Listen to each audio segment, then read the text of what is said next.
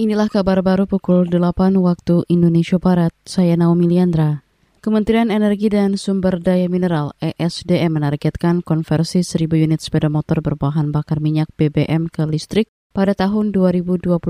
Sekretaris Jenderal Kementerian ESDM Ego Syarial menyebut perluasan program konversi sepeda motor tersebut diutamakan untuk kementerian atau lembaga, pemerintah daerah, dan badan usaha milik negara. Salah satu upaya untuk mendorong peningkatan pemanfaatan kendaraan listrik khususnya roda 2, Kementerian SDM telah menginisiasi melakukan proses konversi sepeda motor BBM ke sepeda motor jenis listrik. Ego berujar pemerintah tengah meningkatkan pembangunan infrastruktur stasiun pengisian kelistrikan umum dan stasiun penggantian baterai kendaraan listrik umum atau SPBKLU secara bertahap.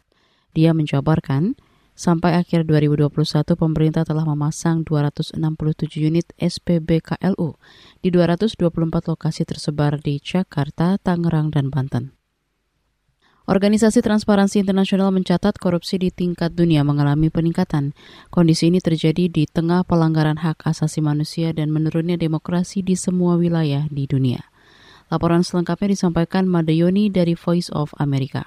Inilah berita dunia VOA Washington, saya Madeoni.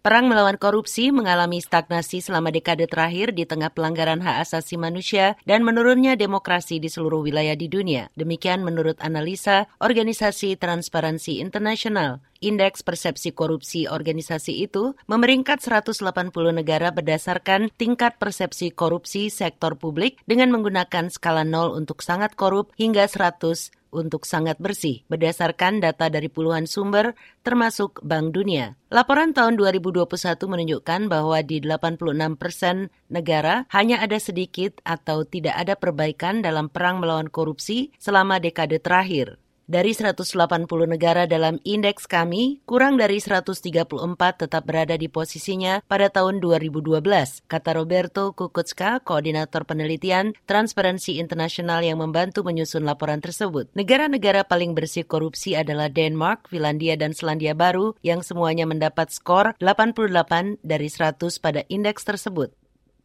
Dikutip dari CNN, Mahkamah Kehormatan Dewan MKD DPR RI resmi menerima laporan dugaan pelanggaran kode etik yang dilakukan anggota Komisi Hukum DPR dari fraksi Partai Demokrasi Indonesia Perjuangan PDIP, Arteria Dahlan. Laporan ini terkait pernyataan Arteria yang meminta Jaksa Agung Sanitiar Burhanuddin mencopot oknum Kepala Kejaksaan Tinggi yang menggunakan bahasa Sunda dalam rapat. Laporan tersebut dilayangkan oleh masyarakat penutur bahasa Sunda. Anggota MKD DPR dari fraksi PKB Maman Imanul Haq berjanji bakal memproses laporan masyarakat penutur bahasa Sunda terhadap Arteria.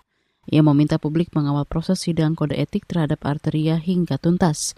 Maman pun menyampaikan laporan yang dilayangkan masyarakat penutur bahasa Sunda sudah lengkap dan dapat diajukan ke tahap selanjutnya.